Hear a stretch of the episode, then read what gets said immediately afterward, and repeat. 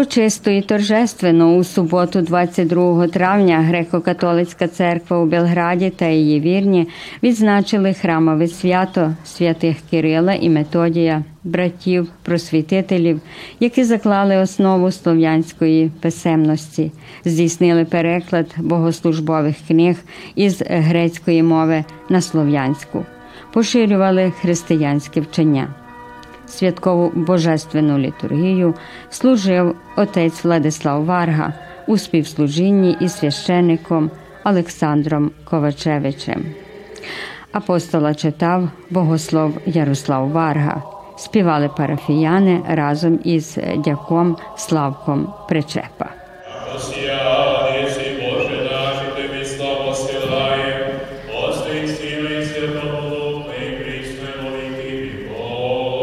아.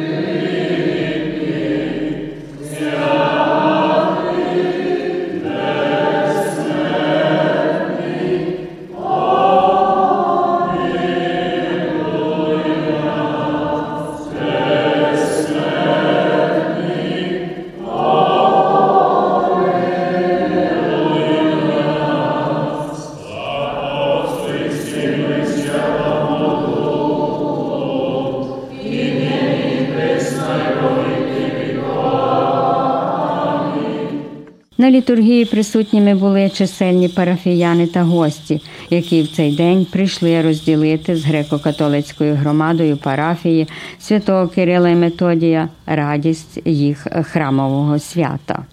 Почесним гостем був представник управління з питань співпраці з церквами та релігійними громадами Гаврило Грбан. Današnji dan, odnosno dan Sveti Kirilo i Metodije i dan slovenske pismenosti i čini mi se da mi nekad i zaboravljamo pomalo na njihov značaj, da nekada više neke druge naše velike jezikoslovce uvažavamo, a da Kirilo i Metodije ostanu nekako u toj senci. Ceneći njihov značaj i Latinska crkva ih je uvrstila u svoj kalendar, odnosno obnovila je njihovo slavljenje u svom kalendaru, a Papa ih je e, proglasio i su zaštitnicima Evrope zajedno sa Svetim Benediktom. Njihovo veliko delo, imamo tu možda da kažemo blagodat Božju, da je njihovo veliko delo ostavilo značajnog traga na ovim našim konkretnom prostoru, smo čuli da je Sveti Metodije bio episkop u Sremskoj Mitrovici, odnosno u Sirbiju Stolovo za celu Panoniju, a takođe e, je svoj rad širio znači, na sve južnoslovenske, južnoslovenske prostore. Греко-католицька церква святих Кирила і Методія об'єднує людей різних поколінь, сприяє гуртуванню українців і русинів у цьому великому місті, які прибули з різних куточків світу. Урочисто відзначили свято і наймолодші парафіяни. Україна, рідний край, річка синій, хай любо стежкою йти, тут живе моя і ти. Любіть Україну, як сонце любіть, і вітер, і трави, і води. В годину щасливої радості мить, любіть у годину негоди. Любіть Україну, сній наяву, вишневу свою Україну, красу її вічно живу і нову, і мову її солов'їну.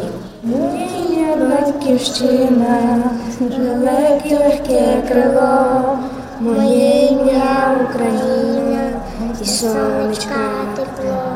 Моє ім'я вишиванка, я хрестик на полотні, моє ім'я синє небо, я сонях малий підні. Татові слова, Україна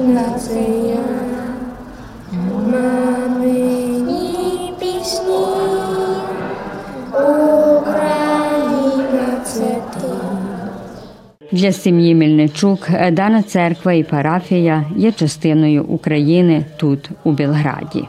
Ми з Львівської області, сім'я Мельничуків. От проживаємо тимчасово в Білграді вже другий рік. От дуже щасливі, що маємо можливість приходити, співати на своїй мові, молитись на своїй мові, почути Христос Воскрес, почути Христос рождається, заспівати колядку. Це велике щастя, що ми цю громаду знайшли. От так як зараз через пандемію не маємо можливості часто їздити додому, це наче похід приїзд додому кожних два тижні. Так що дуже дякуємо цю варгу за цю парафію, за цю можливість бути разом от, і прославляти Бога. Богдана і Сергій Мельничук прибули з міста Рівне з України і влаштовують своє життя у Белграді. В принципі, вже не перший раз тут, от, але дуже любимо, подобаються нам люди, життя. Тут таке відчуття свята кожен день. Не знаю. Сонця багато, люди приємні. От Белград і Сербія нас дуже добре зустрічає. А ще якщо і українців тут, хоч декілька є, це привілей. Я зараз нічим чоловік працює на дорожньо-будівельній фірмі інженером. От через теми і тут. А я поки що нічим не займаюся. Взагалі я викладач з правом перекладу. У мене англійську, німецьку мову я знаю. От працюю інколи онлайн. Але зараз моя основна робота це дітки, тим більше вони пішли в школу. Синочок тут ходить в школу, донечка в садочок. Вони приїхали, адаптувалися, їм потрібно було і мову вчити, і присвятити їм часу більше. Через те поки що не працюю, але в подальшому сподіваюся щось знайти. Михайлина Каган є вірною парафіянкою парафії святих Кирила і Методія. Ні роки, ні погода не заперечують їй приходити у церкву із Добановців біля Білграду. 1890 котре ще рік прийшли і татові, а мама ще тут родила. І ми жили у Босні у Дуброві, коло Баня Луки так що там було більше українців, і так що всі говорили українські, і навчилися, і, і далі. А потім при Другого світського війни прийшли до до господинців. А тут було, може, 5-6 хатів українців. Так вже менше українських говорили так що слабше знаємо українські, але ще ж ми трошки тримали своє. Існування парафії і церкви, де богослужіння правиться на рідній мові, багато значить для пані Михайлини. Значить, за те, що тут є і українців, є і русинів, трошки ще ой, розуміємо. Так що тут маю своє, своїх людей, своїх і так приходжу, бо не маю де друг. Можу я піти до Сербії, і до сербської церкви, але мене не тягне так, як тут. Хопець дебемо своє, свою родину. Маю двоє дітей і маю п'ятеро внуків. Донька має двоє і син має троє. Ти двоє тут прийшло. Соня Барщевський вже понад вісім років проживає у Белграді і з перших днів приходить у церкву святих Кирила і Методія. Я тут живу тепер у Белграді від 2013 року, а прийшла з Банялуки, з Боснії. І мої мої діди, дідуні, діди приїхали з України, з Галиції коло Львову з Накваші. 1890 року і у Козарці жили. То велика парохія, багато було українців, але тепер після тієї війни, що була, доста їх пішло до других держав. І мої мої дві сестри у Канаді від Монтоні, і мама моя там пішли і помер там. Так, тато ще в Козарці похований. і бо він там і вроджений. А ми, я жила в Банялуці до 2013 року, робила мій пензію, заробила, робила в апотеці, а мій чоловік ветеринар був. І так smo, туди наша доня прийшла до Белграду і тут Тут ще і віддала за грека. І ми туди через то приїхали за ньому сюди. І тепер маємо і то державлянство від Сербії так само. Церква святого Кирила і Методія дуже багато значить для пані Соні, яка походить із релігійної української родини, де віра і рідна мова були в особливій пошані. Дуже ми значить, бо я з дуже побожної фамілії. І я маю і ovaj брата священника, і стрієшного, і, і, то, і, і його син так само Тарас Барщевський, і Іван Барщевський, він Сібінюк. Так що ми дуже, наш дідуньо був дуже побожний. І моя мамча так само нас виховала щось всі побожні і, і тримаємо до того, і мені дуже то духовне значить, що приходжу тут, щоб духовне за. Що вам помогло так зберегти добре українську мову? Па, вже і не говоримо так добре, як я була в Канаді, у моїй сестрички. Виділа, що ми вже і не говоримо так, що це говорить. То не дуже багато говорять там ліпше українське. Але навчила маленьку. Перша моя мова була українська, подесь ми вчили другі мови в школі, а першу ми говорили вдома саме українські.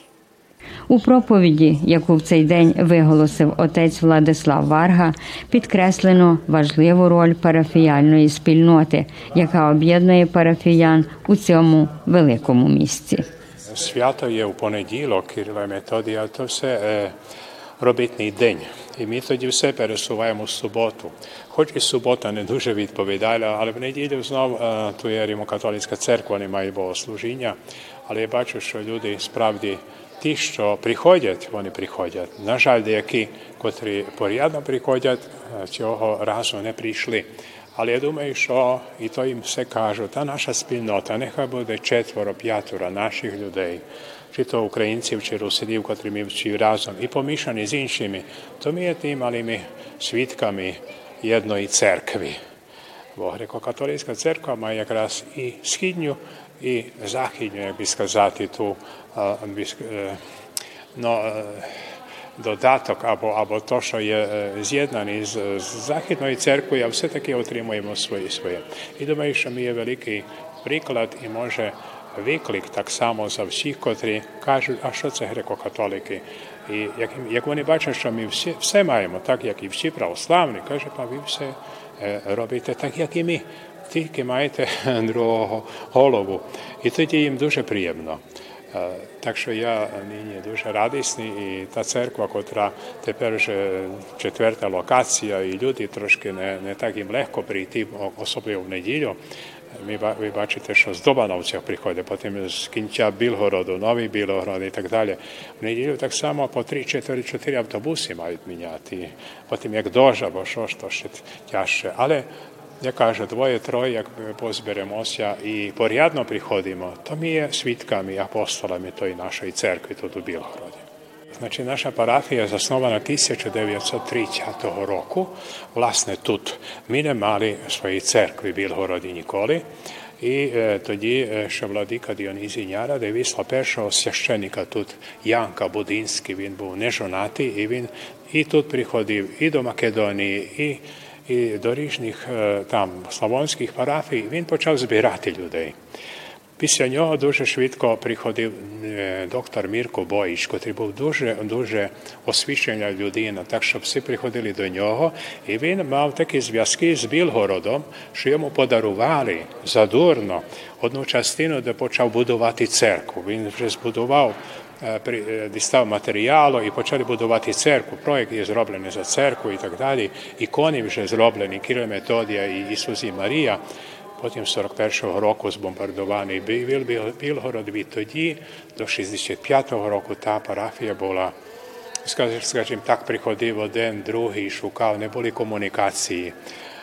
Раз мали там. Потім приходить Стефан Питка з Індії, і він почав збирати. Після нього Міронюк, котрі так само з Індії приходили. Потім Олександр Біляк приходив, потім Адам Гнатюк і з Гнатюком 90-х років перестало. Чому? Тому що була війна. Так що 90-х років то все перестало. Як прийшов новий владика, Георгій Джуджар, наш Юрій, тоді 2004 року почали наново збирати людей. Владика каже, збирай скільки можеш. Ну і відтоді почали справді шукати наших людей, котрих є у Білгороді, десь 400 українців по попису і 200 русинів, але де вони є помішані, багато і не знає, якої вони вірі, бо ми маємо східний обрядок, думаю, що ми всі православні і так далі. Я кажу, ну добре, будьте православні, приходьте то. То ваші люди тут і так, так що деякі приходять, навіть і православні, чисті православні серби приходять до нас. І ми тішимося, що всі можемо тут знайти і побалакати, поговорити, бо і українці, і русини то ще знають свою мову. І то дуже цікаво, що вони потім можуть між собою поговорити. І це є вже 95-й рік, як як наша парафія, спільнота, котра так шукала свою, своє місце, все таки існує. І нехай буде той приклад, що можемо свідчити, хоч нас небагато, але що ми є тут присутні і свідчимо ту нашу традицію, культуру, окремну греко-католицьку церкву, котра є насправді, кажу, виклик за одних і за других. І одні і другі відчувають, що ми є і ті, і ті, або ані ті, ані ті, а я кажу, а ми є і, і одні, і другі, і можемо бути разом. Так урочисто і святково парафія святого Кирила і Методія у Белграді відзначила храмове свято. А наприкінці всі присутні зібралися у церковному дворищі, щоб відзначити цей святковий день для парафії, дотримуючись всіх мір захисту від коронавірусу. Gledate paletu. Izbor iz emisija na jezicima nacionalnih zajednica.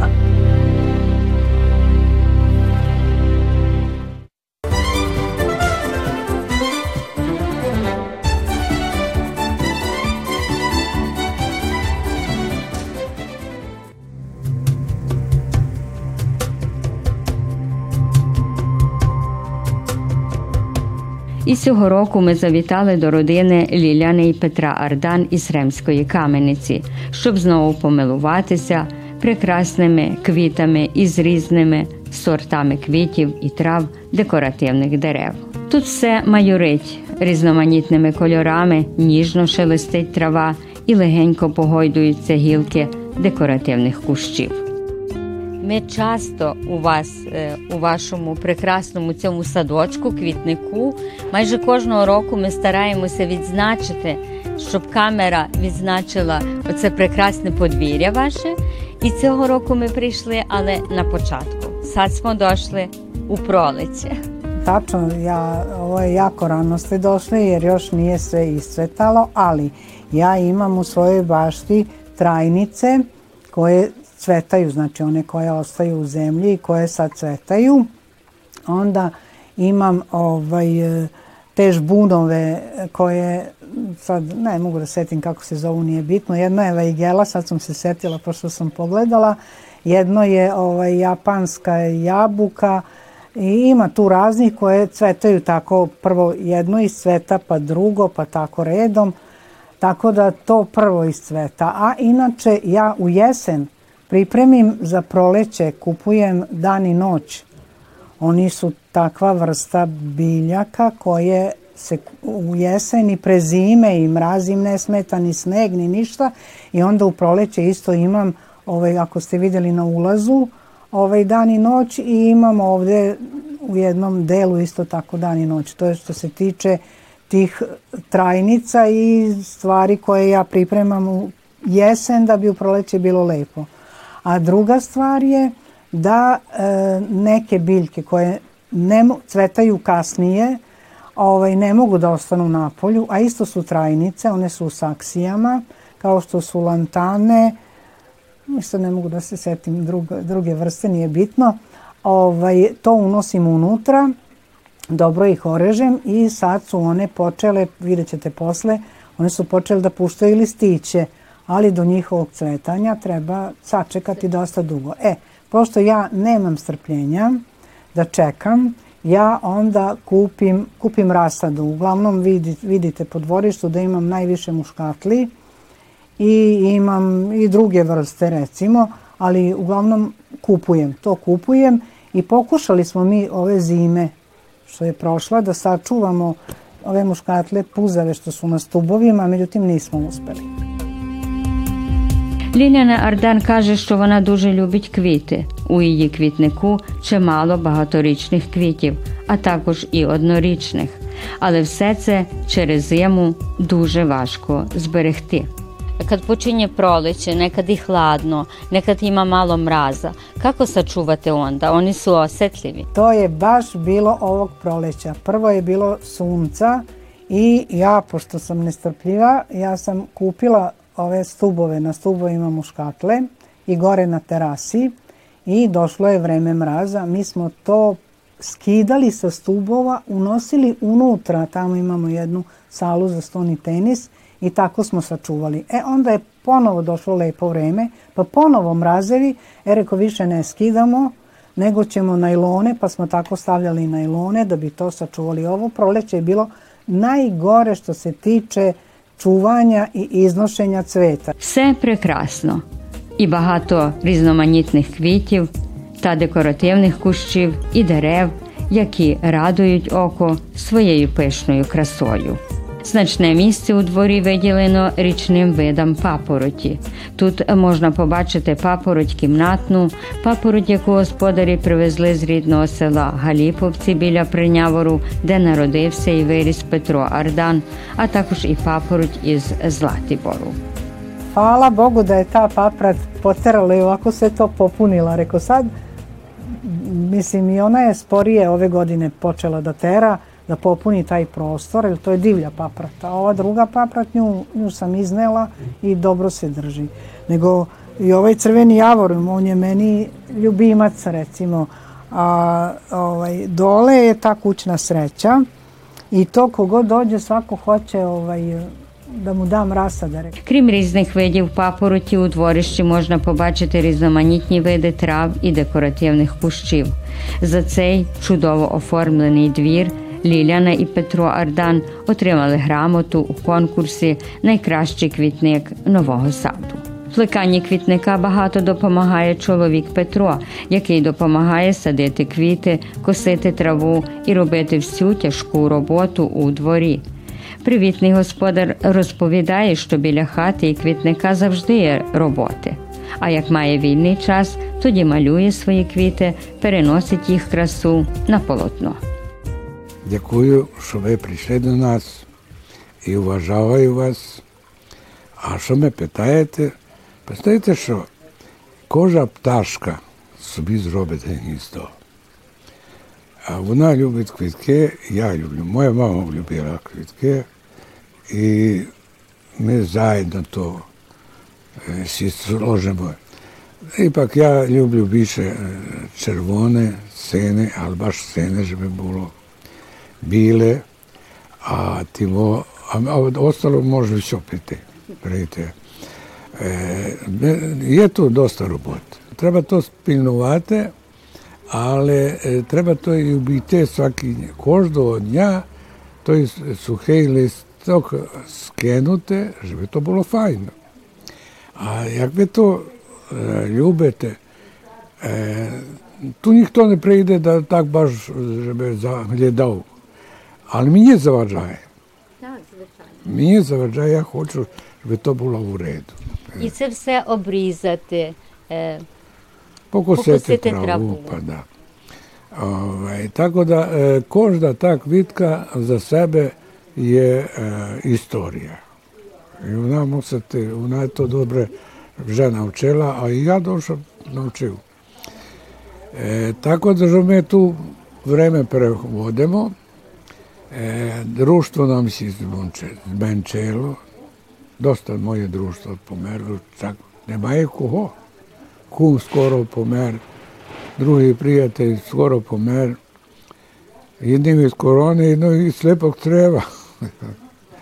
так що ovaj, е, нема з ким. Ті молодшим тяжче мені з ними зробити контакти і так же. То я маю е, Приходять хтось грати з вами. Як ми прийде діти з Белграда, онучки, і одна добре грає. Е, я мушу добре запняти, щоб з нею вийшов на край. Так що ми ще баш, баш забавимо. А кажіть, оця папороть, це теж е, згадка із, із ваших країв? То з, з, з нашого лісу. Наш ліс великий 5 гектарів. Е, Це де? У якому місці? В тім лісі росте пак, пар. У Прняворі. Прийнявру, прийнявру, там в Галіповцях. Ви цю папороть принесли із цього Як лісу. Ліля виділа, а вони такі о, широкі. Вона набрала п'ять, стало в претляжник, більше не могло стати. І скільки років має вже вона? Па вони тут мають вже сигурно 7-8 років. То, то є вечір. Найбільш улюбленим місцем господарів у цьому квітучому дворі є чудовий фонтан, де проводять ці сонячні літні дні. Дивлячись на цю чудову красу, можна довго насолоджуватися і любуватися нею, відпочивати як серцем, так і душею.